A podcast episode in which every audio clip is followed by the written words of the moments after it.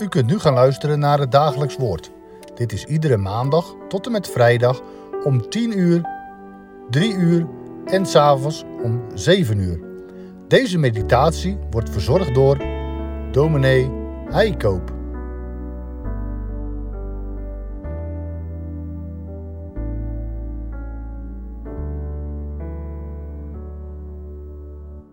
We lezen verder in Lucas 3, vandaag de versen 7 tot en met 11. Johannes de Doper zei tegen de menigte die uitliep om door hem gedoopt te worden: Adderige broed, wie heeft u laten weten dat u moet vluchten voor de komende toorn? Breng dan vruchten voort in overeenstemming met de bekering. En begin niet bij uzelf te zeggen: Wij hebben Abraham als vader. Want ik zeg u dat God zelfs uit deze stenen voor Abrahams kinderen kan verwekken. De bij ligt zelfs al aan de wortel van de bomen. Elke boom dan die geen goede vrucht voortbrengt, wordt omgehakt en in het vuur geworpen. De menigte vroeg hem: Wat moeten wij dan doen? Hij antwoordde en zei tegen hen: Wie twee stel onderkleren heeft, moet delen met hem die er geen heeft. En wie voedsel heeft, moet ook zo doen. Als titel boven deze meditatie heb ik gezet de oproep Bekeer je. We pakken nog even de draad van dit hoofdstuk op. In de voorgaande versen hoorden we hoe Lucas een korte schets geeft van de situatie in Israël. Vers 1 en 2. Kort gezegd, het was daar een puinhoop. Kon Lucas de geboorte van Jezus nog dateren aan de hand van een koning in Israël, koning Herodes? In de tijd dat Johannes optreedt in Israël, is Israël een verscheurd land onder vreemde overheersing. Het land wordt nu geregeerd door verschillende viervorsten, vazalvorsten en een Romeinse stadhouder. En ook het geestelijke gezag is verscheurd.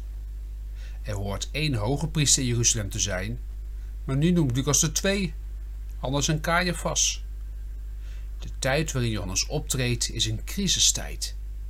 Het land verkeert in ontbinding. Daarna vertelt Lucas over het optreden van Johannes de Doper, de versen 3 tot en met 6.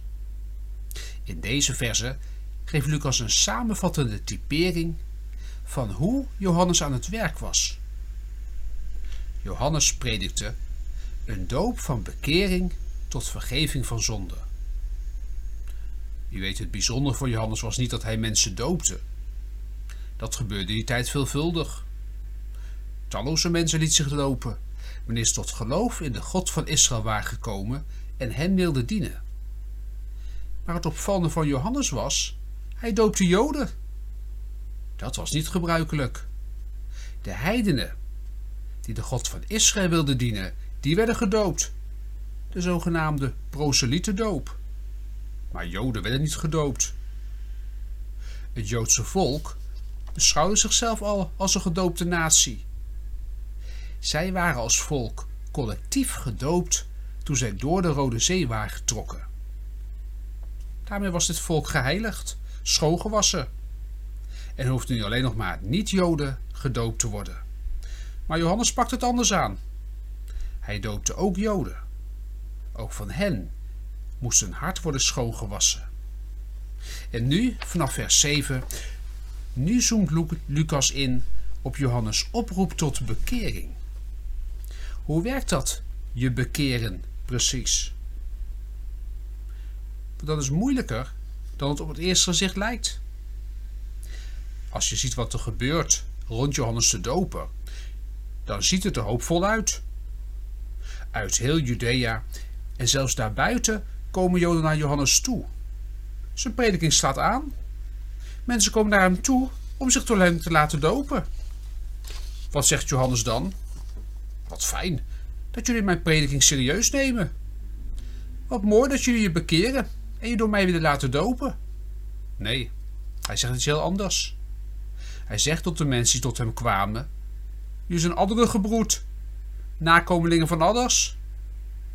Deze profeet kijkt dwars door de mensen heen. Hij ziet wat er echt aan de hand is. Het lijkt mooi. Mensen die zich willen bekeren. Maar eigenlijk verootmoedigen ze zich niet echt voor God. Ze willen wel de komende toorn van God ontlopen, maar hun hart is niet echt bekeerd. Onder die vrome houding van ook ik ben zondig, doop ook mij maar, zit geen echte ommekeer, geen echte verootmoediging. Deze mensen beleiden zondig te zijn, maar eigenlijk menen ze dat niet. Heimelijk denken ze dat het met hen nog best wel meevalt. Ze behoort toch tot het volk van God. Uiterlijk bekeert ze zich, maar hun hart bekeert zich nog niet. Dat geeft te denken. Uiterlijke bekering, innerlijke bekering. Het kan er van de buitenkant goed uitzien, maar hoe is je hart? Besef je dat je bent aangewezen op Gods genade? Of besef je dat nog niet? Dat is voor u, jou en mij ook een vraag. Je kunt zondags trouw naar de kerk gaan.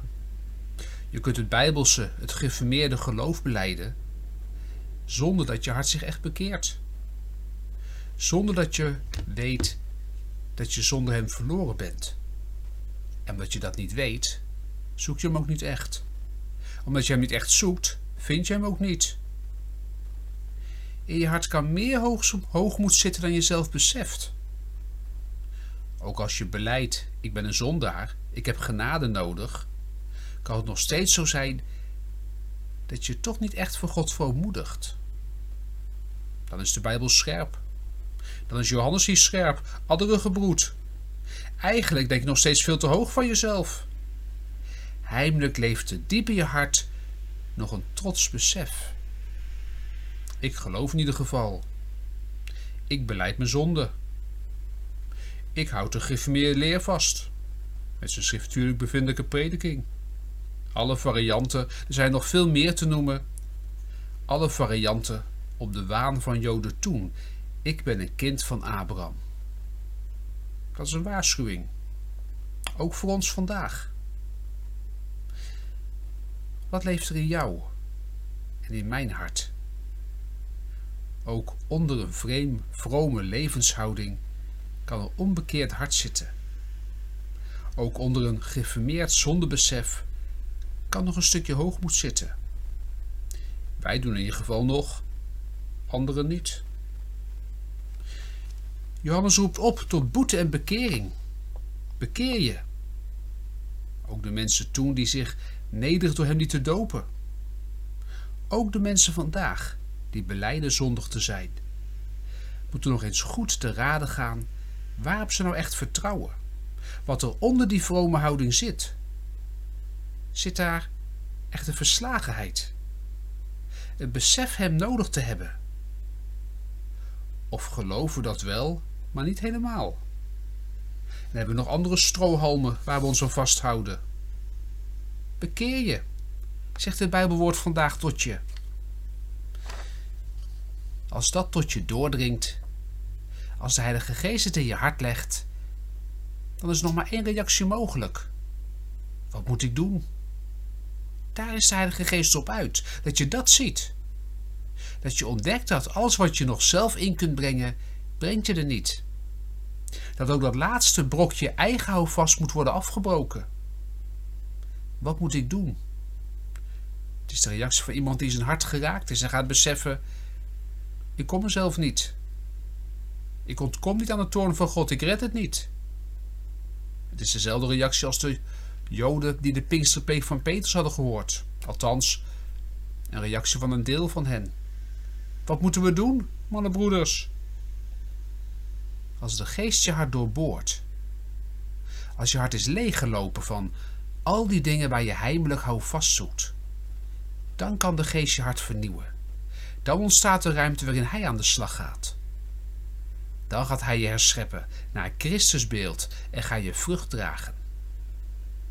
Hoe ziet dat eruit? Daarover vertelt Johannes heel nuchter.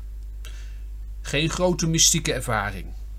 Geen spectaculair bekeringsverhaal. Geen stem uit de hemel. Maar omzien naar je naaste. Net als Jezus, het goede zoeken voor je naaste. Heb jij twee paar kleding? Geef er een weg aan iemand die er geen heeft. Heb jij eten in overvloed? Geef dan ook wat aan iemand die niets of veel minder heeft. Aan de vruchten herken je de boom. Aan de vruchten herken je bekering. De weg aan die God wijst. Dat is helemaal niet ingewikkeld. Zie om naar je naaste. Leven uit Gods genade. Uit zich in je houding naar die ander. Maar die vruchten groeien als je je echt bekeert. Als je ontdekt dat alleen Hij je redden kan. Hij op wie Johannes wijst. Heb jij het al ontdekt? Laten we bidden. Heer onze God. Prediking van Johannes. Eigenlijk dezelfde prediking van de Heer Jezus. Die klonk toen en die klinkt vandaag nog steeds. Bekeer je. Het koninkrijk van God is nabijgekomen. Heer, dat is de oproep die ook voor ons geldt. En dat gaat soms anders dan je denkt. Ook als het van de buitenkant allemaal vroom en gelovig uitziet. Heel gereformeerd, vol zondebesef.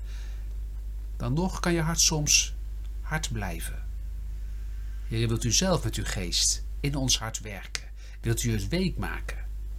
Wilt u het vormen? Wilt u het doorboren? Dat we beseffen, u Heer Jezus, u bent mijn Heer en Heiland, zonder u ben ik niets. Maar als u bezit neemt van mijn hart, dan kan ook mij bij mij vruchten groeien. Omzien naar een ander. Heer, help ons daarbij. Leid ons daarin, voor het eerst of opnieuw zodat ook wij ons bekeren. Dat bidden wij u, uit genade, om Jezus wil. Amen.